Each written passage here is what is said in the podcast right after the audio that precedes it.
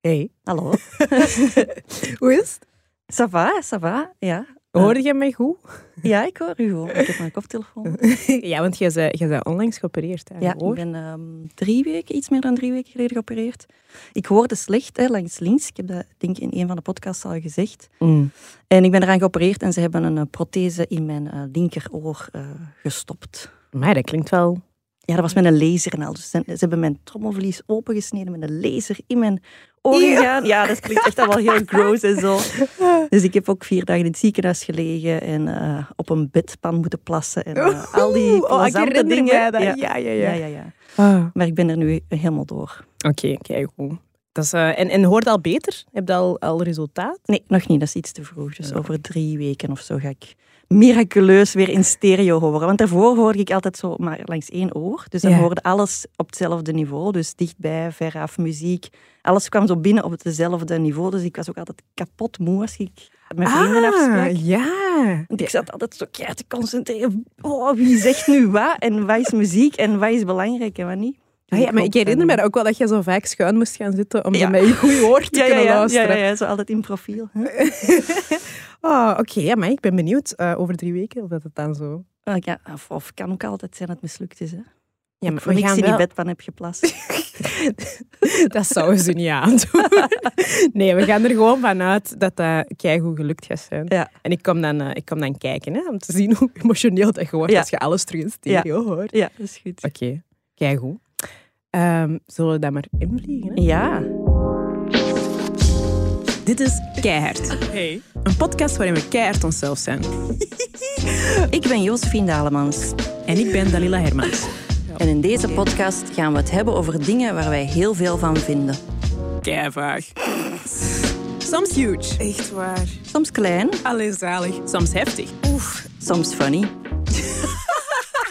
Soms dicht bij ons. Bij mij werd er altijd gemeld.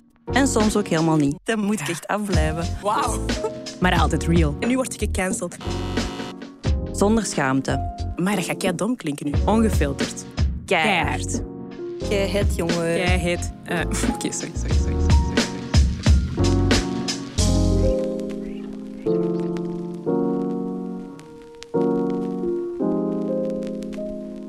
We zijn hier niet alleen om over uw oor te babbelen. Nee. Eh, we hebben ehm, een gasten vandaag. Ja. En eh, dat is Charlotte Wollaert. Hallo. The one and only. Hey, Charlotte. Welkom. Hallo, hallo. Het is ook al een tijdje geleden dat we elkaar gezien hebben. Ja, ik denk ja, van de vorige versoepelingen van de lockdown Ja. hebben wij elkaar eens gezien. Ja. En dat Bij ons is het echt lang geleden, ja. Maar ik heb wel het gevoel, want we zijn altijd ehm, blijven connected eh, zijn via socials, dat ik wel zo'n een beetje mee heb kunnen volgen, maar het is echt al lang geleden. Ja, ja, Ja. veel te lang eigenlijk. Misschien wel Ja. belangrijk om even uit te leggen Ja. voor onze luisteraars. Waar waren wij elkaar dan eigenlijk kennen? Hè? Dus Charlotte was, eh, is ooit begonnen als eh, stagiaire op de redactie van Charlie Magazine. En zij is dan beginnen schrijven voor Charlie Magazine. Je had toen ook de rubriek... ehm, wat was het nu De alweer? binge watch. De Binge Watch Bitch. Ja, dat. waarin je, waarin je eh, televisieseries en films en, en trends in, ehm, ja, in de televisiewereld besprak. En ook over representatie vaak eh, schreef. Mhm. En daarna ben jij gaan werken bij... Gewoon als freelancer Ja. bij Gazet van Antwerpen vooral, Ja. eh, als eindredacteur. En dan zo wat freelance stukjes hier en daar. Ja. Ehm, ja. Maar nu ben jij... Zorgjournalist. Ja, wat is dat? Vertel Oh, eens. ja. eh, ik vind dat gewoon een titel. Ik vind dat ook. Ik dacht, ja, oké, ik moet al niet meer lezen wat dat de vacature zegt. Ik wil dat wel doen. Ja. Ehm, nee, ik werk bij een ziekenhuis in eh, Sint-Niklaas, het AZ Nicolaas. En ik ben daar zorgjournalist. En eigenlijk wil dat zeggen dat ik ehm, stukken schrijf voor ehm patiëntenmagazine, dat soort dingen. En voor de sociale media zo wat probeer een beetje professioneler ja, de verhalen van de zorg naar buiten te brengen. Ah, dat, zijn verhalen van patiënten, maar ook van de mensen die daar werken. En, oh. Ja, medewerkers ook. Ja, vooral eigenlijk de medewerkers. En, en die job, die, want toen dat wij elkaar laatst zagen, ehm, had jij wel een, ja, een, een droevige mededeling. Ja, ik heb toen veel geweend. Ja, Eh, ik herinner mij dat nog. Ja, ik heb eh, in mei 2020 eh, de diagnose van eh, multiple sclerose gekregen, MS. Eh, en dat kwam eigenlijk echt wel uit het niks voor mij. Er is niemand in mijn familie die dat heeft of zo. Dat is ook niet één op één erfelijk, maar ik wist ook eigenlijk niet wat dat was. Dus ik heb dat moeten opzoeken. En als je dat googelt, is het Ja. ook wel wat erger Allee, lijkt het ook wel wat erger dan het tegenwoordig is. Ehm, maar ja, dat was wel heftig. Ja. Ehm, Ja, ik herinner me dat, want jij was toen ook zo echt aan het begin van je carrière en jij werd echt een van de meest beloftevolle journalisten, vond ik. Ja, ja, ik ben nu een In promotor eh, geweest hè, van, uw, van uw eindwerk en de journalistiek. En ik heb dat, ja, je had ook fantastische punten. Echt een beetje Ja, crazy. en ik weet dat ik toen uw, ehm, uw proef had gelezen, dat ik echt dacht van, man, mens, begint gewoon je eigen... Allee, je kunt gewoon je eigen magazine starten. Allee, dat is zo, hè. Ehm, En toen kwam ineens, jij ging- jij ging beginnen en toen kwam die diagnose. Ja, ja, dat is echt zo wel wat... Ook op, op een paar weken tijd eh, is dat gegaan van... Ah, jij met beide voeten slapen, dat is wel raar. Eh, naar... Ja, we hebben hersenletsels gevonden Wow. en we denken dat het... eh allee, of we moeten testen of het MS is. Ehm, dat kwam echt uit het niks. Ik dacht dat ik onder een MRI ging om eens te zien of dat ik een geknelde zenuw had of zo. Ja. ja. In eerste instantie was ik ook niet van plan om met slapende voeten naar de dokter te gaan, want het was corona. En ik Ja. dacht, die hebben echt wel iets beters Mei te doen nu. 2020, inderdaad. Nu, ja, alle data zijn zo blurry dat ik vergeet dat dat inderdaad de eerste lockdown Ja. dat- hm. Dus en dan ja, de huisarts, doorverwezen naar een neuroloog. Nog altijd denken dat dat gaat niks serieus zijn. Ehm, en dan een MRI en, en dat dan te horen krijgen. En de vraag van, kunt je zo snel mogelijk een dag naar het ziekenhuis komen voor bijkomende test te doen? En dan ja, nog een MRI van mijn ruggenmerg. En dan hebben ze eigenlijk de dag zelf nog gezegd van, ja, het is MS. Ehm, En waar je daar alleen? eh, oh, je had niet zo je mama bij. Dat mocht niet. Dat Oh mocht ja, niemand mee.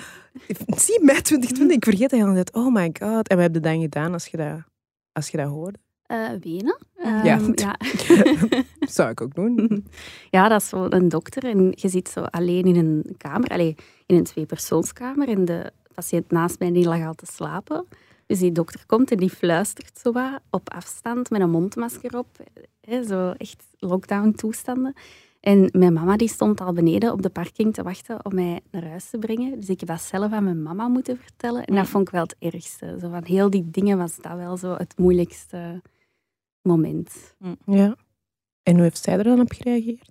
Sorry als dat allemaal heel, Ja. heel persoonlijk is. Hè? Ik, ben, ik ben gewoon even aan het proberen. Ja, wenen. Ja, eh, we hebben veel samen geweend. Eh, Mm. Ja. En dan is heel je leven ook veranderd. Want jij, wa- jij was ook van plan om naar Antwerpen te komen wonen, een appartementje gehuurd. eh, ik, ik woonde in Antwerpen Ja. met een vriendin. eh, wij co-housden. Ja. Maar, maar dat is wel... Ja, ik ben dan zo wat... eh, vorig jaar, toen dat ook nog heel heftig was, emotioneel. En ja. Ben ik ook verhuisd. Wat dat ook wel de moeilijke was, fysiek. En, allee, dus dat was wel zo wat een, een, ja, heel veel veranderingen op heel korte tijd. En dan ook van job veranderd en zo. Ja. Ehm, omdat ik dat freelancen veel te onzeker vond. Ja. Eh, want dat bleek ook wel. Ik ben een tijdje arbeidsongeschikt geweest. En dan is het zo de discussie met de ziekenkas. Zijt je te ziek om te werken of niet? Eh, uw diagnose is te lang geleden gesteld. Wat? Ja, er staat dus een houdbaarheidsdatum op ongeneeslijke ziektes, blijkbaar. Dat ik, ja. Ja, dat is tristig, hè? Ja. Ja, ik vond dat ook. Ik had daar ook niet... Ik vond dat heel Amerikaans of zo. Ja! Zo. Mhm. Dat is, dat doet inderdaad denken aan zo al die memes over het Amerikaans eh, gezondheidssysteem en hoe, ja. Ja, en zo alles van zo pre-existing conditions. Ja. Dat je denkt, amai, wat een Amerikaanse zever. Maar ik heb dus aan de lijn gehangen met een, eh, een, een ziekenkast die ik niet ga noemen. They shall Eh. remain nameless, maar toch. eh, om te vragen van hè, hospitalisatieverzekering. En die zei, ja oké, maar we gaan die een MS wel uitsluiten. Wat? Ja, blijkbaar. En ik zeg, ah, hoezo? Ja, je kunt een auto ook niet verzekeren voor de blutsen die er al in zitten. Wow. Oh my god, heb je dat zo tegen u gezegd? Letterlijk. Ik had mijn diagnose een week. Oh, dat, my. Oké, ja, je, zie, dat zijn zo, ik kan me dat zelfs niet voorstellen dat, je dat, dat, dat iemand dat zou zeggen. En dan Ja. laat staan iemand in zo'n professionele setting. Ja, Ja. da- daar zou je toch beter van verwachten. Hè? Maar Nee. Maar jong, kei heftig. Ik ben heel blij dat je nu zorgjournalist bent. en Ja. een stabiele job hebt en daar al nimmer te veel over moet stressen.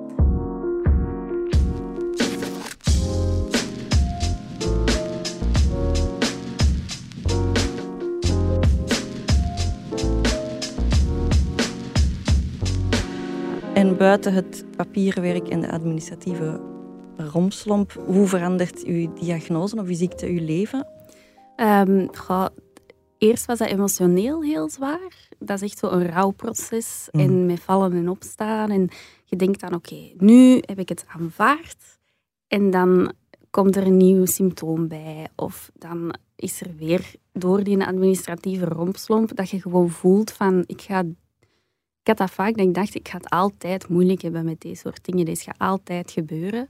Ja. Ehm, en zeker gewoon zo het, het concept van ongeneeslijk Ja. vond ik heel moeilijk. Plus MS, dat is ook een auto-immuunziekte. Dus dat is eigenlijk je lichaam dat zichzelf aanvalt. En dat vond ik ook mentaal een moeilijke. Ja? Ja, zo... Ja, zo van waarom doe jij dat? Ja, zo, zo- tegen je eigen lijf. You don't have to do this. We're on the same team. Chill out. Ja, wat heb ik u misdaan? Eh, ja. ja, inderdaad. Ik zou ook zitten van, "You bitch. Ja, ik zo na alles wat ik voor u gedaan heb. Ik draag wel heel mijn leven mee. Ik geef u chips als jij daar goed in hebt. Wat? Evil. Ja. Ah, ja. Nee, ik kan, me, wel- ik kan me dat niet voorstellen, maar het lijkt me gewoon wel heel, heel heftig en intens. En hoe, hoe heeft dat effect gehad op ehm uw persoonlijke relaties bijvoorbeeld? Zijn er mensen geweest die dat daar niet goed mee overweg konden? Of, of mensen waar je juist heel veel steun aan had? Goh, ja, dat is wat. Ik, bij mij was dat heel hard, omdat dat in lockdown geweest is, heb Mm. ik dan heel veel mensen digitaal moeten vertellen. Dus zo mijn meest dichte vrienden, die wisten het eerst, maar die wisten het ook zo via Messenger. En normaal, als je dat aan iemand vertelt, dan kunnen die luisteren en eens over je rug wrijven en je een beetje laten wenen. Maar als dat digitaal gebeurt, moeten die iets zeggen. Mhm. En dat was moeilijk. Mhm. En ik snap dat dat moeilijk is, want wat zegt je ook Ja. tegen iemand die zoiets komt vertellen? Ehm, dus dat is wel een hele moeilijke geweest. En ik heb wel bijvoorbeeld met mijn huisgenoot van toen, die heeft mij super hard geholpen. Die heeft eh, een psycholoog voor mij gezocht en zo. Allee, dat, die heeft echt super veel gedaan. En ik merk ook wel dat, ik- dat die vriendschap daardoor misschien ook wel dieper is geworden. Ja. Ehm, maar ja, ja, degene die ik niet gezien heb, dat vind ik moeilijker wel. Maar bijvoorbeeld ook met mijn ouders. Eh, ik ben na mijn diagnose een maand terug bij mijn ouders gaan wonen. Ja, puur omdat ik die anders niet mocht zien. Ah ja, dat... Eh, Mhm. Dus eh, dan heb ik een maand terug daar gezeten. En ik merk ook wel zo... Ja, de band met mijn ouders, dat die ook wel sterker is geworden daardoor. En ja, dat is wel... Dat is mooi, hè? Ja, ja. Als, Ja. er dan, als je dat toch moet hebben, dan is het wel tof dat er zoiets... Hm, hm. allee, zo wat Silver lining, ja. Ja, Ja. voilà. Ja, want ik heb ehm, naar, en we wisten dat we u gingen, dat we u hadden uitgenodigd, dus ik heb daar wel zo over nagedacht van hoe zou ik, hè, want wij zijn, ik- wij kennen elkaar natuurlijk en ik vind u kei leuk, maar we zijn, we zijn niet super, ah ja, niet super dicht of zo. Altijd, eh, als ik u tegen zou komen, zouden we een uur babbelen, maar hè, Mhm. het is niet dat we afspreken of zo. Dus ik was aan het denken van, stel dat dat iemand was dat wel heel dicht bij mij stond, ehm, ik zou dat heel moeilijk vinden, denk ik, om dat zo niet te veel over mezelf te laten gaan. Ja. Toch? Want je zit met, je hebt al die mensen rondom je rouwen ook. Hè? Mhm. Ehm, dus Ja. ik vroeg me dan gewoon af, van, wat, zijn er zo'n dingen waarvan dat je zelf denkt, van, als er nu mensen aan het luisteren, van, kijk, als, er, als iemand zo'n diagnose krijgt, hoe, wat zijn dan goede manieren om erop te reageren? Ik denk inderdaad, je hoeft niet te doen alsof het u niet raakt. Maar de balans moet er wel een beetje zijn. Het is niet de bedoeling dat die persoon u moet gaan troosten. Voilà. En als je die band hebt, kun je samen wenen. Ik heb, ik zeg het, ik ben met mijn mama heel veel samen geweend. Maar ja, het moet wel op dat moment even blijven gaan over, over die persoon misschien. Ehm, en ik snap dat mensen niet goed weten wat zeggen, maar zeg dat dan. Je kunt perfect zeggen van eigenlijk weet ik echt niet wat ik kan Ja. doen. Wat kan ik doen?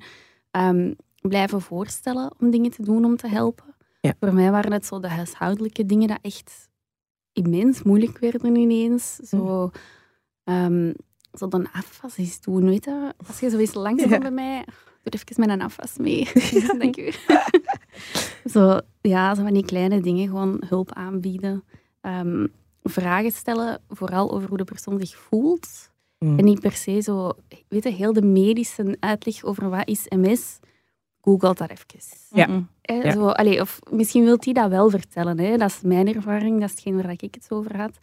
Maar zo, ja, dingen als, ah, neemt je die medicatie? Goh, ja, die, zijn die, eh, die bijwerkingen niet wel lastig? Zou je niet iets anders pakken? Ah ja, zo, Zo heel veel advies geven. Ja. Dat is niet tof. Nee, Nee. zeker als ik u niet expliciet om medisch advies gevraagd heb. En vooral als jij voor deze conversatie nog niet wist wat MS was. Ja, nee. Dan moet je mij misschien niet zeggen. Nee. Ja. Eh, zijn er zo nog geen eh, homeopathische eh, de- dingen voorgesteld en, dieet dat je moet aanpassen? Oh, girl, het keto-dieet. Hoe vaak dat ik... Ja, een keto, ja, dat helpt blijkbaar. Zo, Dat zou me verbazen. Allee, ik denk als dat helpt, dat iedereen bij MS dat wel zou doen en Ja. oké zou zijn. Ja. En allee, ik zeg misschien dat dat voor sommige mensen helpt en ik, ik wil zeker niet zeggen, maar dat, dat, is, dat is geen geneesmiddel. Dus, en het is ook niet leuk als je zo aan het tweede bent, ik ben ziek en ik weet niet wat, dat er dan iemand zegt, ah, misschien moet je ook nog eens op dieet. Ja, want het is nog niet erg genoeg. Nu mag ik ook geen suiker meer hebben. Wat? Het is too much. Ja. Ah, nee, snap ik. Ehm, Oké, maar dat zijn nou wel goede dingen, denk ik, om in ons achterhoofd te houden. Hè? Zo van, make it about yourself. Geef ook gewoon toe dat het ongemakkelijk is, dat je niet weet wat, wat te zeggen. Of zo de, zo de super positieve ehm uitgangen van je, je raakt er wel door. Ah, ik denk dat ik dat misschien ook al wel al heb gedaan. Om, gewoon omdat ik niet weet wat ik moet zeggen. Ja, dat Ja. vond ik ook een moeilijke. Ik heb dat zo met een, een heel goede vriendin en ik heb die dat toen ook gezegd van ik weet dat dat is wie jij bent en altijd positief en dingen, maar ik heb hier echt geen ruimte voor nu. Deze is echt te vroeg. Ik wil gewoon even Ja. kei verdrietig zijn Ja. en horen dat het sukt. En het komt wel goed, hè. Ik bedoel, ik ben oké nu, hè. Maar zo... Ja, zo dat... Kom aan, je raakt er wel door en get well soon. Nee. Nee. Nee, Not niet gonna happen, nee. sorry. Inderdaad. Ja, dat is ook inderdaad zoiets heel dom om dan te zeggen, maar zo van die dingen, ja. Ja. Dat zijn van die, van die kleine gevoeligheidjes dat ik zelf niet zeker weet. Ik zeg niet dat dat klein is, hè, maar ik Mhm. bedoel zoals Ja. veel beterschap. Dat is zoiets natuurlijk Ja. om te zeggen als iemand ziek is, Mhm. dat ik daar misschien ook echt wel niet bij zou stilstaan. Maar ah ja, maar ja, die wordt dan niet Die beter. wordt niet beter. Nee. Nee. Ja. ja, en zo dingen. Mijn mama heeft bijvoorbeeld vertelde dat ik vond dat heel schattig. Dat ze zo op haar kerst, zo haar nieuwjaarskaartjes, zo niet mensen een goede gezondheid had gewenst. Omdat ze dacht, misschien, zit het, misschien hebben die iets. En vinden die dat niet leuk om dat, daarmee geconfronteerd te worden of zo. Ik vond dat echt schattig. Ja, die heeft er zo echt over nagedacht. Ja. Oh. Ja. Ja, want sinds dat jij die diagnose hebt, ben je ook wel meer beginnen vertellen en, en posten op je social media over ehm, mensen met een beperking. En ook over de representatie van mensen met een beperking. Ehm, waarom is dat voor u zo belangrijk? Eh, omdat ik dat mezelf... Ja, ik heb destijds voor Charlie Magazine ook veel geschreven over rep- representatie en dingen. En ik betrapte mezelf daarover, eh, of daarop dat ik echt daar niet over nadacht. Of toch heel veel te weinig als het gaat over mensen met een beperking. Mhm. Want het gaat wel over, ah ja, oké, mensen van kleur, dat komt er zo wat meer in. En dat is soms ook een heel gevecht, en dat weet ik. Maar zo, mensen met een beperking, heel weinig. Mensen Echt heel weinig. Ja. Ja, ja, dat is nog een veel. Daar, daar staan we echt nog op onder nul. Mhm, Maar ja. even, even voor de duidelijkheid. Wie valt er allemaal onder mensen met een beperking? Welke groepen zijn dat? Mensen met een chronische ziekte, zoals jij? Ja, dus het is ook een beetje hoe dat je jezelf identificeert en zo. Maar over het algemeen is dat mensen met een fysieke en mentale beperking zoals we het kennen. Mensen met een chronische ziekte en ehm, ja, mensen die niet neurotypisch zijn. Dus mensen met eh, ASS bijvoorbeeld. Ja. Maar dat is ja, hoe, hoe dat je jezelf identificeert. En zeker als het gaat over eh, het niet neurotypisch, is er zo wat... allee, sommige mensen voelen zich er niet comfortabel mee, omdat het een beperking te benoemen, dat is Ja, dat je ja, dat snap ik. verkiest. Maar Ja. En ehm, heb jij de, het idee dat er al meer ehm, werk wordt gemaakt van eh, mensen met een beperking tonen in films, series, eh, media, nieuws? Of is het echt nog heel, heel, heel weinig? Ik vind het wel echt weinig. En ik vind dat vaak zo terugkomt op zo de stereotypen van... Ofwel zijt je... ehm ah, maar ik kijk van een zielenpoot. Ja. Of zo het nevenpersonage dat er is om je hoofdpersonage sympathieker te maken. Ja, ja. Zo, snap je wat ik bedoel? Zo Ja. wat een sidekick of zo. Ja. Ehm, of zo, ja, het, het, ehm, zo wat inspiration porn. Zo van, amai, kijk, die is... Die, Ondanks. ondanks haar MS kan zij toch een wandeling maken. Zo, zo die zever. Ehm, maar wat ik bijvoorbeeld wel goed vond, was eh, in eh, Sex Education. Ik ging daar net door beginnen. Dat is ook Ja. een van mijn favoriete series aller tijden. En er zat ook een personage met MS bij. Hè? Ja, ja. Iedereen heeft zo het... het allee, Isaac. eh, Mhm. Zo die seksscène, zo Isaac en mee, vond ik echt keigoed. Ehm en dan hebben ze zo ja, een, een personage met MS, zo de papa van Ruby. Ehm, en ik ben altijd zo, als er iemand met MS op tv is, zo, oh my god, zo tegen mijn lief, zo, kom kijken, er is iemand bij MS. Eh, en dan als je in Atypical had je ook Ja. iemand, zo een, ja, ook een side personage. En ehm, het hoofdpersonage komt zo binnen in een, in een bureau en die zegt, hallo, ik ben Sam, ik heb ASS.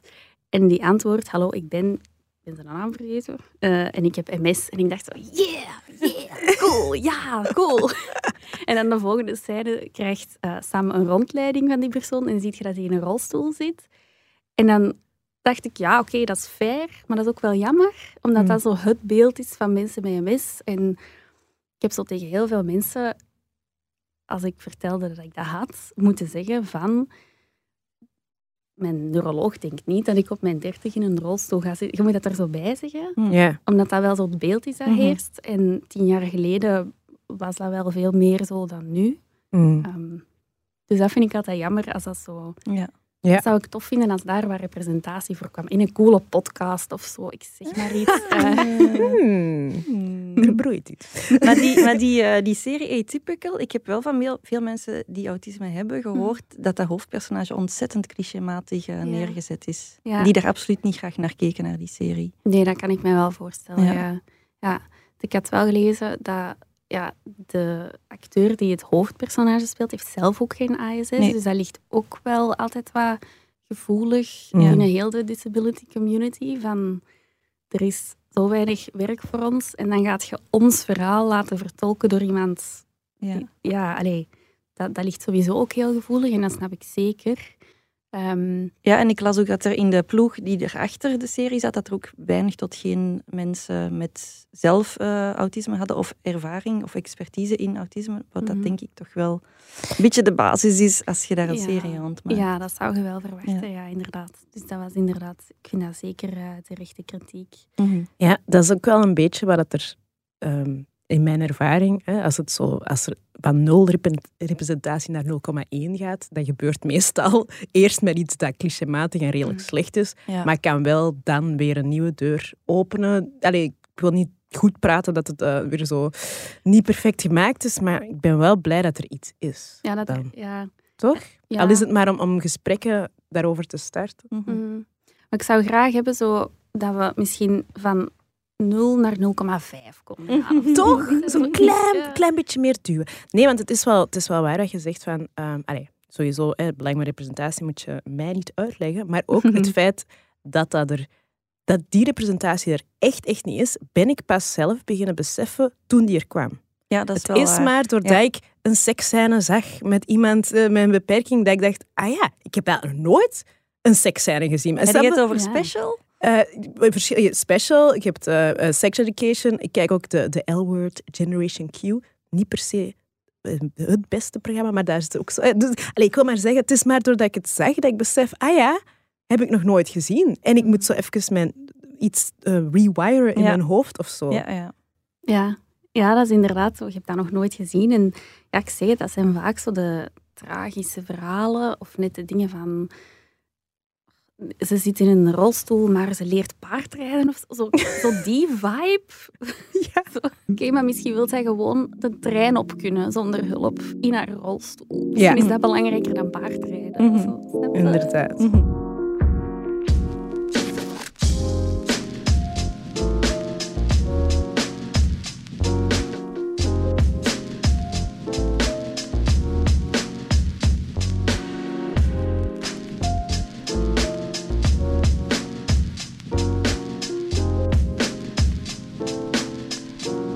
Alright, even een pauze. Ja.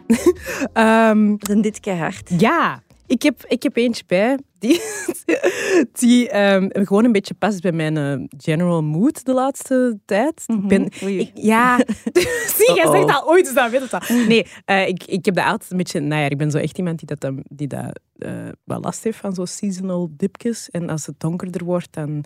Ehm, en ik zag deze ehm, tweet van een zekere Veronica Cromwell. Ehm, Just trying to find the ye to my ha, and I keep finding the hell to my na. Oei. ik vind dat wel een heel grappig. Want ik heb ook zoiets van, ik probeer al heel de tijd terug mijn vrolijke zelf te zijn, maar ik blijf heel tijd van alles denken. Hell no. Oké, dus goed dat je dat hier even zegt. Ja, voilà. Dus dat was mijn dit keihard, maar ik, ik zeg het, ik raak daardoor. Zo. Dat is echt iets, iets tijdelijk. Oké. Maar voorlopig vind, vind ik, vind ik mijn yeehaw niet. Nee, In plaats van de her- herfst blues, heb je de herfst rage. Ja, Oei. dat is echt wel een beetje. Maar kijk, rage kan ook heel funny zijn. Ja, dat is Dus- waar. En wat is de nieuwe? Eh, ik heb een meme bij en eh, van boven staat er zo eh, person, dubbele punt, en dan open aanhalingstekens. Back in my day, people dressed according to their gender. En dan their day, dubbele punt. En dan zo'n hele fotoreeks van Grace Jones, van Prince, Annie Lennox. Ik denk Aerosmith hier, Boy George. Ja, echt allemaal artiesten die dat totaal niet zich eh, kleden according to their gender. En de- ja, dat is toch vaak dat je vandaag hoort van ja, en een vrouw kan geen vrouw meer zijn en een man kan geen man. Maar kijk, het is naar de jaren 60 en 70 en 80. Mannetjes, Inderdaad. die kledij was toen super Zo fluid. exact. Ja. Exact. En je Dat hebt ook zo van die, van die oude foto's van mannen in de jaren 70. Die doen ook allemaal van die kontshortjes. Hè? Zoals Ja, zo was, maar echt super. Dat Ja, je echt zo die piemel en ballen zag zitten. En dat was jij normaal toen. Draag dat nu eens. Je wordt echt gewoon helemaal, helemaal kapot gemaakt. Dus. Ja, en ook zo van die, ehm, eh, in zo de Motown-dagen. Zo, hè, Ja, dan de maar dan echt hakken, hè? Echt Ja, ja, gewoon echt, hakken ja, ja, hoger ja. dan de hakken waar ik op En kan zo lopen. decolletés zo. Ja. Ja, Ja. ja, ja. Voor Ja. mannen dan, hè? Ja. ja, ja. Zie, kijk. Keigoed. Alright. Twee keer, twee keer dit keihard. Ja.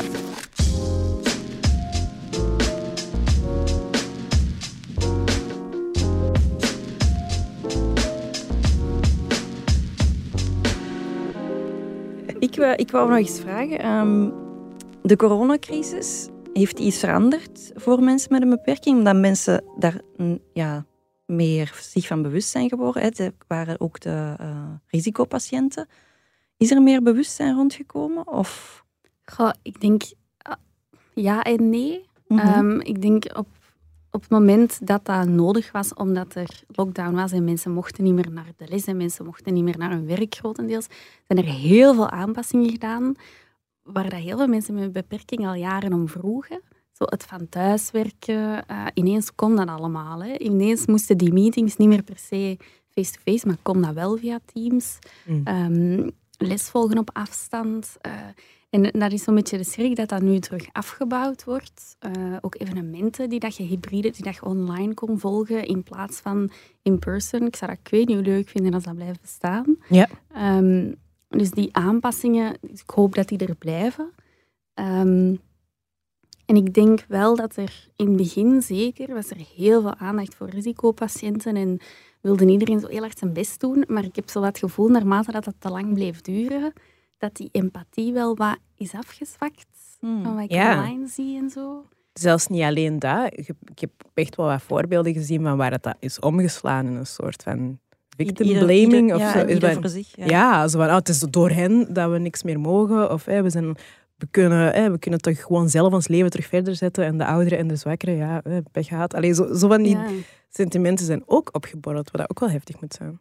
Ja, en het, zijn, oh, en het zijn alleen maar de risicopatiënten die eraan sterven. Ja, en dan, dat zijn toch ook mensen? Allee, wat, wat een gek concept. Om zo, ja, maar de, het zijn toch maar de ouderen en de zwakkeren. Zo. Dus, Dus? bye. Wij doen er toch ook toe? Wat een stomme redenering. En ja, ik, daar zie- vond ik ook dat je heel hard het idee zag van aan een risicopatiënt. Dat is iemand die anders ook zijn huis niet uitkomt. Mhm. Ja. Ik ga werken, hè. ik ga naar de winkel en zo. Hè. Allee, Ja, ja, ja. ja, mijn vader is ook een risicopatiënt en ik, ik weet dat ik dat ook heel moeilijk vond om, ehm, om te zien. Zo die omslag van in het begin, we all cared, maar dan waren we het beu en dan inderdaad, dit is ook op leeftijd, dus, dus, dus eigenlijk zijn aan het zeggen, bye. Ja, Dat- ja ik, dat weet, wilde ik niet. weet dat een Nederlandse opiniemaakster, volgens mij, die noemde de ouderen en de zwakkeren door hout dat gesnoeid moest worden. Ik Ja, denk dat hij dat echt? ja, en zo in een opiniestuk had. Oeh. Ja, dat was toen enorm ophef terecht. Ja, terecht, Oeh, inderdaad. Don't do that. Nee, eh, nee. Oh. Nee, dat zijn hele enge hmm, Ja, en ik vond dat dat ook op in wat ik eigenlijk altijd zo vrij pro- progressieve mensen vond, zag ik dat ook. Zo mensen op Twitter, dat ik altijd zo wel zag van oké, die zijn bezig met zo LGBTQ-rights en ehm, met vrouwenrechten, ook al zijn er soms mannen zo, hè, Mhm. die dat je denkt oké, ja, die zijn goed bezig. En dan, waren dat, dan zag ik die ineens dingen retweeten, bijvoorbeeld als Pukkelpop was afgelast Ja. Heb ik dingen gezien zoals ehm, oh, we zijn voor niks thuis gebleven en, ehm, eh, en nu pakken ze ons deze ook nog af. En zo, wie pakt u dat af? Ja. Dat het, virus, hè? niet de mensen die dat eraan... Allee, ik vond dat heel... Dat vond ik echt erg om te zien, dat dat in die... Wat ik heel progressieve kringen Mhm. vond, dat die empathie gewoon echt weg was ehm, als het daarover ging. Ja, maar dat zijn ook... zo- Ja, ik, ik keur het absoluut niet goed, want het is inderdaad eh, schrijnend om te zien. Maar ik merk wel bijvoorbeeld in mijn eigen activisme of zo, dat is, dat is iets dat ik vaak nog vergeet. Mhm. Mensen met een beperking, omdat, terwijl, ja, dat is... Allee, we zijn eh, intersectionaliteit en kruispuntdenken en je weet al die dingen. Hè. Ehm, zo rationeel weet ik dat. En, zal ik dat. en als ik schrijf, zal ik daar wel, wel die reflex maken. Maar ik denk, mede door dat ge- gebrek aan representatie waar we het over hebben, blijft dat ook een heel verborgen groep. En een heel verborgen... eh, Zo bijvoorbeeld heel veel van de issues die er daar... Ik zal een concreet voorbeeld geven. Toen ehm, na de eh, protesten, ehm, ehm, de Black Lives Matter protesten, was ik... Ik was daarvoor ook al veel bezig, maar toen in die periode zeker heel veel bezig met politiegeweld eh, en etnische profilering. En dan heeft een vriendin van ons, die, die zelf eh, ASS heeft en een zoon heeft, die heeft mij dan eigenlijk aangesproken van dit is een moment om, om to join forces, want politie weet ook niet hoe dat ze moeten omgaan met mensen Met autisme. Ja, Ah, die niet neurotypisch zijn en die worden ook heel vaak heel, ehm, of, me- of gewoon mensen die, die, andere, die, die ehm, mental health issues hebben of zo, die worden ook heel vaak eh, met geweld benaderd en, en zo. Terwijl, ja, daar had ik op, tot op dat moment, dat zij mij daarover aansprak, gewoon niet over nagedacht. Mhm. Echt niet, terwijl wij super diep in die hele problematiek zaten van, eh, van politiegeweld. Dus ik wil maar zeggen, van, het zijn vaak ook van die... Je hebt mensen nodig, zoals jij, zoals die Ja. vriendin, je hebt mensen nodig die, daar die daar ons op wijzen, denk Ja. ik. Mhm. En Ja. die ook die link leggen. Want ik heb inderdaad, toevallig omdat mijn vader een, zelf een, een risicopatiënt en een chronische ziekte heeft, daardoor heb ik, kan ik heel goed aanvoelen wat jij nu vertelt. Terwijl ik heel goed weet dat er heel veel van mijn vrienden, pas nadat ze deze gesprek geluisterd hebben, gaan zien van, ah ja, die uitspraken dat we daar deden, oei, daar zijn we eigenlijk wel gewoon real people mee aan het eh, Mhm. kwetsen. mhm. Ja. Je hebt, daar, je hebt daar deze gesprekken voor nodig wel, denk ik. Ja, ja. Want anders is dat maar een redelijk klein cijfertje in een statistiek. Hm. Maar dat zijn wel mensen, hè. En ja, dat wordt vaak zo wat... En ik snap ook wel, zeker met die coronacrisis, dat duurt zo lang. Mensen zijn al zo beu, ik ook. Ja. Maar als je dan zo dingen leest als zo... De jongeren moeten eerst gevaccineerd worden, want wij hebben nog het, het langste leven, of zo het meeste leven te lijden, of wij hebben hier het hardste onder geleden, dan denk ik, nee. Nee, niet het hardste. Hard ongetwijfeld. Ik wil dat niet minimaliseren, maar niet het hardste. Dat denk ik niet. Ja, ik snap bedoelt. Hm. Maar het is, een, ja, het, is, het is een moeilijke tijd. Het is ook, ik denk dat een van de redenen misschien ook, onbewust, hè, hoop ik toch dat het onbewust gebeurt, Mhm. maar ehm, over ziekte praten is, is moeilijk voor mensen, Mhm. want dat confronteert u Ja. heel erg met sterfelijkheid Ja. en met uw eigen sterfelijkheid en daar lopen wij van weg. Ja, dat klopt. En ik denk dat dat een van de redenen zelfs is dat, dat het zo weinig aandacht krijgt. Want dat is, dat is voor perfect mensen die gewoon gezond zijn en die helemaal geen last hebben van, van, die, van een chronische ziekte, is het al confronterend. Mhm.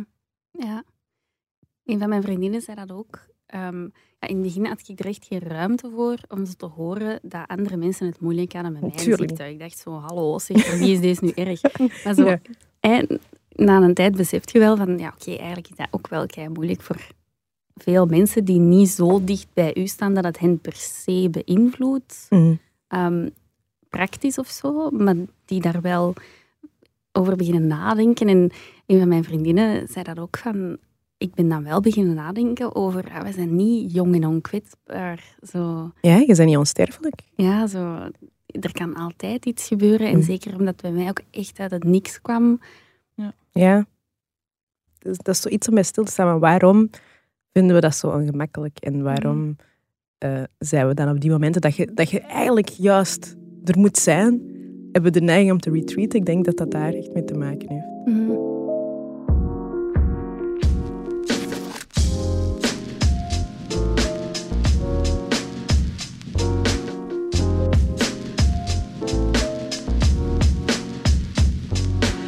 Maar dan is het wel echt heel, ehm, heel cool dat er mensen zijn zoals jij. Want je bent niet alleen hier met ons erover aan het babbelen. Je hebt ook iets dat wij, ah ja, Ja. waar we zelf heel erg fan van zijn. Je hebt eh, een Instagram-account opgericht, eh at MessyBitch. En dan MSS Ja. Bitch. Ja, en Vind ik alleen de al die... Alleen al de woordspeling. Alleen daal. Ja, ik ben niet de eerste die die gemaakt heeft, maar ik was zo s'avonds laat zo dingen. Ik ga een Instagram-account. Oh my god, ik ben een genie. Ik heb hier een geniale woordspeling bedacht die dat iedereen in de community al lang gebruikte, maar dat wist ik toen niet.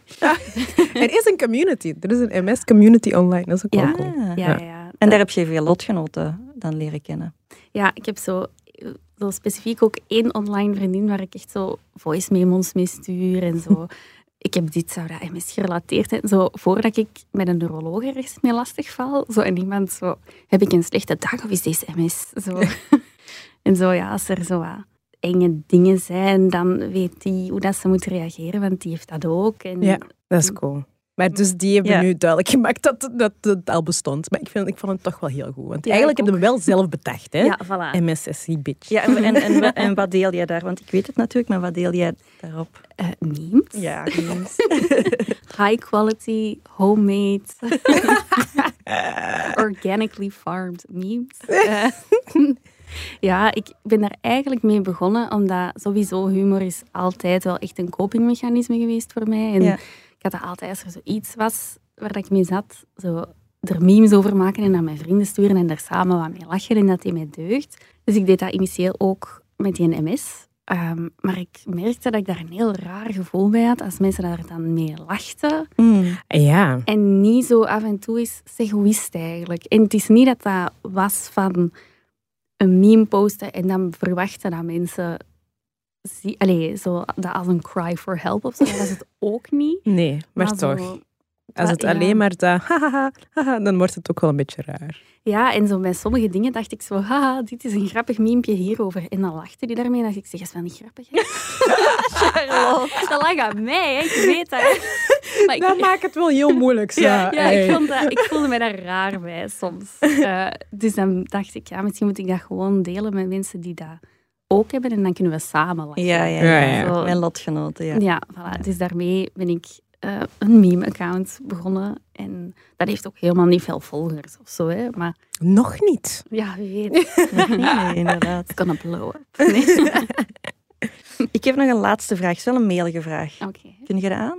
ik kan dat aan. Oké. Wat heb je geleerd van je diagnose en van je ziekte? Ik denk sowieso assertiever zijn. Ja, echt? no- dat was echt nodig ook. Oké.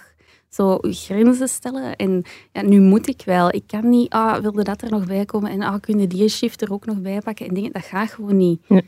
Want fysiek, ik kan dat niet meer. Ik Mhm. moet mijn weekend op voorhand plannen. En dus ik moet gewoon leren mijn grenzen stellen, assertief zijn, prioriteiten stellen. Dat sowieso. Eh, hulp aanvaarden, vond ik Mhm. ook een moeilijke. En ja, een goede verzekering nemen moet je doen voordat je ziek wordt. Iedereen van mijn leeftijd die zo net afgestudeerd is en denkt van... Wow, dat kan We wel Ja, dat is. Dat echt de niet laagste prioriteit als je jong bent. Absoluut. Echt, doe het. Ja. Pak een goede verzekering. En ja, ik wou vooral ook gewoon dat ik minder gewerkt had. Dat is echt zo, ja, waar Ja. heb ik dat eigenlijk voor gedaan?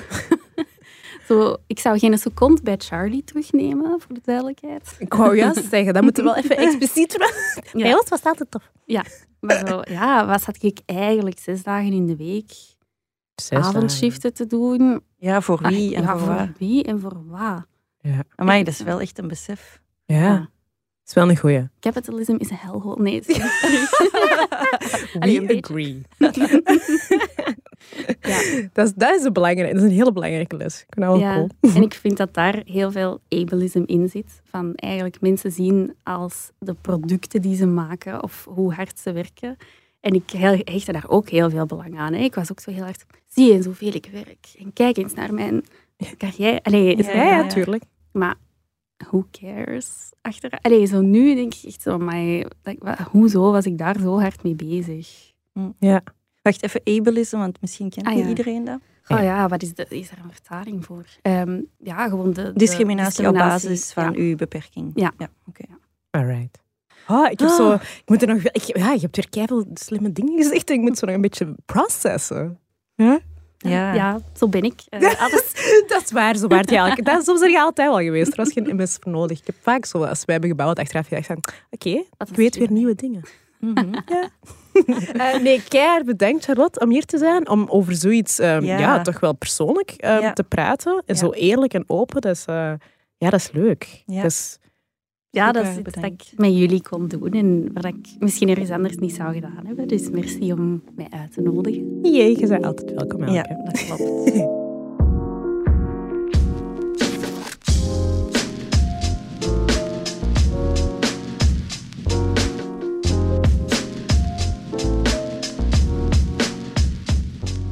Wat vonden ze zelf van het gesprek daarnet met- met Charlotte? Ik vond het heel fijn.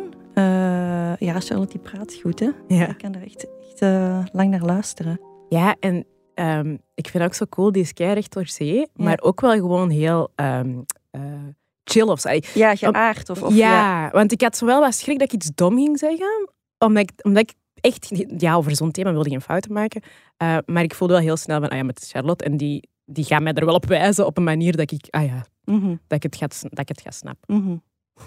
En heb, jij mensen... Ja, je hebt al gezegd, uw papa Ja. is... ehm, Ja, die, maar die heeft, ehm, die heeft de ziekte van Crohn. Ehm, eh, dat is ook een, een on- ongeneeslijke darmziekte. En dat beïnvloedt best zijn leven wel. Die mhm. heeft ook een vrij, vrij stevige case of it. Of ja, ik weet niet hoe dat je dat moet uitdrukken. Dus dat is ook altijd al zo geweest. Ehm alleen niet altijd zo geweest, maar sinds zolang dat ik hem ken. Snap je? Dus voor mij is dat iets dat ik... Ja, we houden daar rekening mee al sinds dat ik klein ben of zo. Mhm. Dat hij sommige dingen niet kan. Of dat hij dat hij heel hard moet opletten dat er altijd eh, de juiste sanitaire voorzieningen zijn. Over, zo van, die, van die dingetjes. Ehm, en ook ja, zo side effects van zijn medicatie heel vaak. Dus eigenlijk vaak dat hij meer last heeft van alle medicijnen dat hij moet nemen dan van de, de effectieve ziekte. Ehm, maar ja, dat maakt dat hij bijvoorbeeld voor COVID heel erg bang was. Ja. Dat heeft echt heel erg zijn... ehm, ja, die was echt heel bang. En ik weet, iedereen was bang, maar ik merkte dat bij hem, ja, Mhm. omdat hij echt dacht van, als ik dat erbij, had, Ja. dan is het gedaan of zo. mhm. Ehm, en dat heeft mij ook wel zo, eh, ja, een ander perspectief gegeven Mhm. op die, op die hele periode. Dat dat ook echt met, like zo met, met zijn mentale gezondheid zelfs aantasten. Van, je bent zo bang geworden nu dat je, dat je ook niet meer kunt leven. Dat, je, dat het moeilijk was om de kindjes te zien. Of zo. Allee, we hebben daar echt zo veel om moeten praten. Ehm, ja. Ja. En heb jij iemand in je leven die een beperking heeft of een eh chronische ziekte? Ja, mijn zoon is nierpatiënt. Mm. Hij is geboren met een nierafwijking. En die heeft eh, in zijn eerste levensjaar, denk ik, vijf operaties ondergaan. Acht ziekenhuisopnames. Ja, dat was echt een hel. Ja, dat was, toen hebben we echt veel, meer in het ziekenhuis gezeten dan, dan thuis. En die is, ja, nierpatiënten zijn ook voor het leven. Dus die heeft maar één nier die werkt en die andere die werkt amper. Dus hij moet regelmatig op controle. En toen dat die ja, baby was, was dat heel intens. Dan Ja. die, die in de lagere school ehm, was hij eigenlijk maar één keer per jaar. Maar nu ga ik in de puberteit. En nu moet hij oppassen, nu moet hij vaker op controle. Die mag bijvoorbeeld ook eh, niet drinken of heel weinig alcohol drinken. Niet te veel zout, geen drugs. En ja, die is 12, dus dat van nu nog. Maar dat is wel zo'n beetje een zwaard van Damocles dat boven ons hoofd en zijn hoofd hangt. Ja. Eh, en ik weet niet hoe dat... dat ja, want als hij zijn andere nier ja, eh, schade oploopt, dan kan dat zijn dat hij in, aan de dialyse moet. En dan moet hij twee of drie keer per week naar het ziekenhuis om je bloed te laten filteren. Dus ah ja, Daar, daar wilde... Nee, nee, daar wilde je ik gewoon niet over nadenken. Dus ja. Maar ik ben er wel nu nog niet zoveel mee bezig hoor. Omdat dat, ja, nu is dat nog een beetje een ver van zijn bed eh, show. Ja. Maar het is wel iets dat je in je achterhoofd houdt. Ja, inderdaad. Hm, En heb jij zelf ooit, ehm, ja, buiten je oor, waar dat, buiten dat, heb jij zelf ooit ehm, ja, zware ziektes gehad of nee, gezondheidsproblemen? Nee. nee. Nee, eigenlijk niet. Nee. Oké. Ik heb, zo, ik heb twee dingen gehad waarvan... eh, ik, ben, ik heb een heel zware zwangerschapsvergiftiging gehad toen ik Cooper geboren werd. En ik heb heel lang geleden... ehm, ah ja, heel lang geleden. Alles is zo lang geleden. Ik zou zo oud op je. Maar dus toen, toen ik eh, twintig was, heb ik een tumor gehad. eh, in, mijn, ja, in mijn borst. Ehm, die eh, goed aardig bleek te zijn, maar die wel heel snel groeide. Zo, Oei. ja, is van, eh, van het moment dat ik het voelde tot drie weken later bij de operatie was opeens een kippen-ei groot. Ja, dat is echt freaky. Ehm, maar ik, ik zeg dat nu omdat ik mij toen wel heb ehm, ja, bang gemaakt, eigenlijk bang ben geweest en wel heb gedacht van hoe gaat mijn leven zijn als dit, Mhm. hè, als dit kanker, blijkt ja. te zijn. Of, en dat heeft wel zo... Ik, ik denk dat ik daarom daar straks in dat gesprek met Charlotte vaak begon over zo die, de angst voor, dat, voor sterfelijkheid. Ik weet dat ik daar toen ook echt... Ik heb dat tegen heel weinig mensen verteld toen. Mhm. Puur omdat als je dat uitspreekt, is het echt. En zo die dingen. En, en dat ik ook dan heel erg mensen vermeed die ziek waren. Of zo. Omdat dat dan mij zo... Ja, dat, was, dat doet iets raar met je hoofd. Hè. Mhm. Zo nadenken over, over het feit dat je misschien niet voor eeuwig leeft, is echt... Ja, of dat je lichaam gewoon op een gegeven moment niet gaat marcheren zoals het zou moeten marcheren. En dat zijn ook dingen, denk ik, die ons, ehm, die ons niet worden aangeleerd. Hoe, dat, we, hoe want- dat we daarover moeten babbelen, Ja. of over moeten nadenken, of, of mee om moeten gaan. Ja, zoals Charlotte zei, we zien dat ook gewoon heel weinig hè, in, in, in films en boeken en series. Ja, Wat daar raar is, want ze noemen mensen met een beperking de grootste minderheid. Omdat Ja. er zoveel mensen zijn. En zeker als je mensen met een zichtbare en onzichtbare beperking, mensen met chronische ziekte, mensen die niet, op het, die niet neurotypisch zijn, ja, dat is een vrij grote groep Dat is een heel mensen. grote groep Ah, Ik ken mensen. verschillende mensen die in die categorie zitten. Ja, en dat is, dat is ook eh, gender- en, en etniciteit overschrijdend. Zo. Ja, dus dat, ja. Het is echt, eigenlijk echt heel vreemd hoe hard dat we daarvan wegblijven van dat gesprek. Ja. Dus ik denk dat dat, dat dat gemiste kansen zijn. Want uiteindelijk gaat bijna iedereen in zijn leven ooit te maken hebben. Exact. Ehm, hm? Ja, daarnet zei je dat inderdaad, hè, van de grootste groep en hè, hoe, dat, dat, hoe dat het eh, ras en, eh, eh, en, en gender overstijgt. En ik was aan het denken, ik heb er eigenlijk nog wel een, ah ja, een schoon verhaal, of een verhaal dat voor mij zo wel een goede wake-up call is geweest. Mhm. Ehm, ik weet niet of je nog weet dat ik ehm, een paar jaar geleden in de afspraak heb gezeten met Lies Lefever. ja. Ehm, dat is een eh comedienne met Rwandese roots, die helaas gestorven is een paar jaar terug. Maar toen hebben we samen in de afspraak gezeten om het over Zwarte Piet te hebben. En eh, we waren, hadden eigenlijk allebei zo een andere mening, terwijl we allebei van Rwanda komen en de camp zijn opgegroeid. We hebben daar nog veel over zitten lachen na, die, na die uitzending. Maar ehm, eh, ik vond, dat bleef bij mij zo wel heel hard hangen van... Dat is echt bizar. Dat, je, allee, dat, dat veel mensen verschillende meningen hebben over van alles. Dat geloof ik. Hè. Zwarte mensen zijn geen eh, monolith. Maar, ehm, maar omdat ik echt voelde van haar van... We, we, zijn, we zijn elkaar echt niet aan het begrijpen. Terwijl, hè, want er is hier echt... Er, er, klopt, er is een, een kink in deze kabel of zo. Want wij kunnen voor de rest keigoed babbelen. Ik vond dat ook een kei tof. We, we klikten keigoed. Dus ik, wou, ik wilde begrijpen eh, hoe dat, dat kon, dat we zo verschillend daarin stonden. Dus ik ben dan eh, voor Charlie, hè, ben ik haar dan gaan interviewen. Ehm, en we hebben toen uren gepraat, maar Mhm. echt heel lang, want ik heb die opnames nog altijd. Dat is ook een fijne herinnering. Maar dat was een kei goed gesprek, een heel diep gesprek. ehm, waar dat we op den duur ook zo echt allebei... Maar ik alleen, voor wat snap ik u nu niet? En Mhm. zei ik, maar voor wat snap, ja, voor wat snap ik u niet? En dat ging dan Mhm. echt over racisme en over eh, waarom het dat zwart met een strijd. En op een gegeven moment eh, zei ze van... ehm, iets in, want zij had een, eh, een beperking. Hè. Ze, dat, een, zij was bijna blind. Ehm, of, of toch een heel slecht zicht. En op een gegeven moment zegt ze tegen mij... Maar schatje, dat is mijn, dat is mijn strijd. Mhm. Dat is wat dat mijn leven moeilijk maakt. Denkt jij dat ik tijd heb om bezig te zijn met, met zwart zijn als ik niet eens kan zien? En als ik, ja, echt waar. Maar die was ook altijd heel direct. Ehm, en opeens viel, dat, viel mijn frank inderdaad van shit, ik ben, we zitten hier al vier uur te praten Ja. over discriminatie, over waar dat ons zorgen over maken. En ik heb er eigenlijk maar amper over nagedacht. Ja. Dat die twee dingen misschien iets met elkaar te maken zouden hebben bij u. En dat, dus zij zei ook van ja, ik vind dat heel knap dat je hè, tegen racisme strijdt. En ik vind dat heel goed. En ik hoop dat het verschil zal maken in de wereld en voor mijn kinderen. Maar mijn strijd moet echt wel zijn voor mensen met een beperking. Want Ja. dat is de grootste... En zij heeft me daar toen eigenlijk voor de eerste keer op gewezen van... Ten eerste, dat is een, een, een een gat in uw kennis. Ja. En ten tweede, je moest eens weten hoe hard dat mijn leven beïnvloedt en hoe, hoe, Ja, hoe- ja. op welke muren dat ik stoot, die zijn, die zijn torenhoog. Ja, elke dagdagelijkse handeling, Ja. waarschijnlijk. En ja, ik weet niet, ik, er- ik, heb, ik heb er nog heel vaak aan teruggedacht, aan, ehm, aan dat gesprek. Zeker als we zo vandaag aan het voorbereiden waren. Van, ja, dat is, dat is iets waar we, denk ik, ehm, zeker ook als activisten, zoals. Charlotte Schakel zei, toch wel veel wakkerder voor moeten zijn. Ja, dat we inclusiever denken. Ja, Maar echt inclusief. echt dan. inclusief. En dat we, daar, en dat we mensen die, die een beperking hebben, gewoon veel meer aan het woord laten. Ja.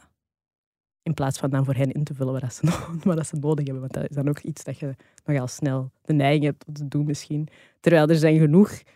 Allee, oké, we weten, representatie is, is op dit moment heel, heel miniem. Maar eigenlijk zijn er wel nieuwe stemmen. Hè? Ja, dat klopt. Ja, en dat hoor ik ook vaak, dat waarom het de beweging tegen eh, ableism dan niet zo groot is, omdat er het gebrek is aan rolmodellen. Eh, In de antiracismebeweging en in de genderbeweging zijn er heel zichtbare vocale eh, rolmodellen die heel veel aandacht genereren voor dat onderwerp, wat dat goed is. Maar die zijn er, waren er misschien in het verleden minder eh, voor deze onderwerp. Maar nu heb je bijvoorbeeld een William Boeva die heel, heel, heel openlijk praat over eh, hoe het is eh, om een rolstoel te gebruiken in de stad en op welke barrières dat je botst. Ja. Op een heel groot podium, wat dat Ja. superbelangrijk is. Of bijvoorbeeld een Greta Thunberg die over haar autisme praat. Ja. Veel verschillende vrouwen die ik ken schrijven boeken over autisme, lezingen over autisme, of leven met autisme. Dus er komt wel, wel meer in de picture, vind ik. Er is ook zo... Ik denk dat we steeds minder... ehm, eh, ja, dat er gewoon taboebrekende dingen aan het gebeuren Ja. zijn. Hè? Want het is niet omdat Greta zegt, ik heb autisme Nee. of ik zit op het spectrum, dat we nu allemaal denken, ah, dus dan is u- wat, wat jij zegt over klimaat niet meer relevant of Nee. zo. Dus ehm, ja, dat is inderdaad wel wijs een goeie. Zouden ehm, dat soort rolmodellen echt, echt heel hard moeten blijven zoeken en aandacht geven. Ja, platform geven. Platform geven. Ja, ja klopt. We zijn al goed begonnen. Hè? Nee, we zijn begonnen. Hela, de Charlotte eh, van de wereld. Ehm, Oké, cool. Gaan we afronden dan? Ja, ik denk dat, dat... We hebben gezegd wat we moesten zeggen. En Ja. nu hopen we vooral dat er veel mensen blijven praten hierover, toch? Ja, en ook dat ze die... ehm, we gaan in de show notes nog een aantal links zetten Ja. naar pagina's die je kan volgen als je eh, meer wil weten. Die meme-pagina van Charlotte, maar misschien ook andere. Ja. Dat is voor mij ook echt een, een laagdrempelige manier om meer te, te weten te komen over, over dat onderwerp. En ja, humor werkt altijd eh, Ja. wel goed, hè? Dus dat gaan we zeker ook doen. Dus gaat die zeker volgen, die pagina's. Ja, ik ben aan het denken, zou er niet... We moeten, we nog een softspot eh, doen. Het, is, het is tijd voor de so- softspot, hè? Voor- Ja.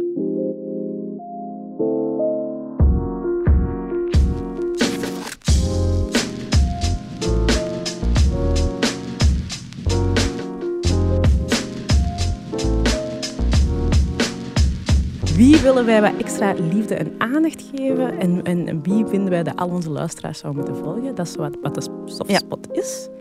En eh, die van deze uitzending, eigenlijk be- besef ik nu, heb ik haar al vermeld.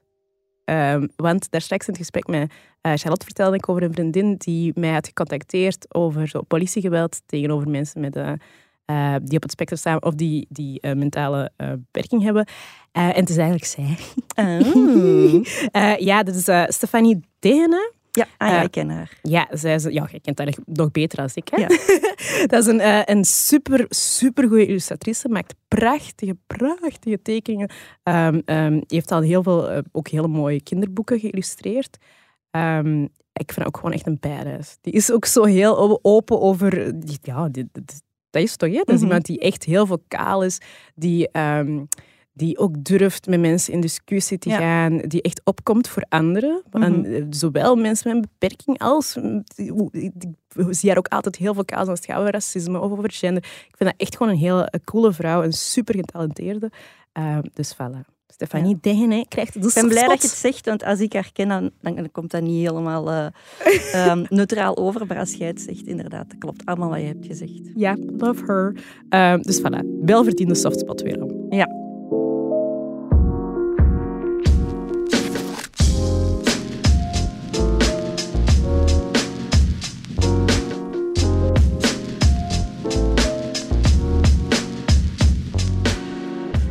Oké, het zit er weer op. Aflevering 8, denk ik. Echt al? Ja, Jesus Christ, dat ga je vooruit. Ja, en dus voor, de, voor als je aan het luisteren bent, we gaan er tien doen. Dus eh, we zitten bijna aan het einde van ons eerste seizoen. Spannend, hè? Ja, Amai. Ja, het is, al, het is een, een, een, een leuke ride. ja Ik vind het het al ook. alle echt tof geweest. Ja, en er hebben ook al mensen gestuurd van, ja, maar jullie gaan toch niet stoppen? Nee, nee, wij komen wel terug in 2022 met het seizoen 2. Maar we weten ook nog niet goed wanneer. Hè? Nee, dat, is, dat gaat allemaal een verrassing blijven. We moeten ons gewoon in de gaten blijven houden. Hè? Ja. Dat is het belangrijkste. Ja.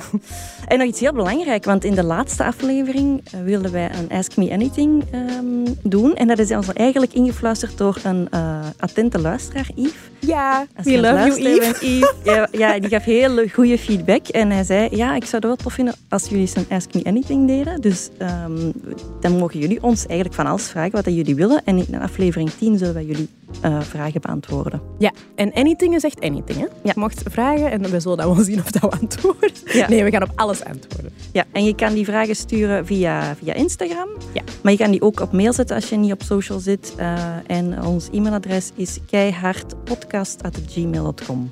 Yes. Ik ben wel benieuwd. Ah, ik hoop ben dat jullie, benieuwd. Ja, ik hoop dat jullie keihard vragen stellen. Zou tof zijn. Ja, tot dan. Ja, tot dan. Tot snel. Tot snel. tot de volgende keihard.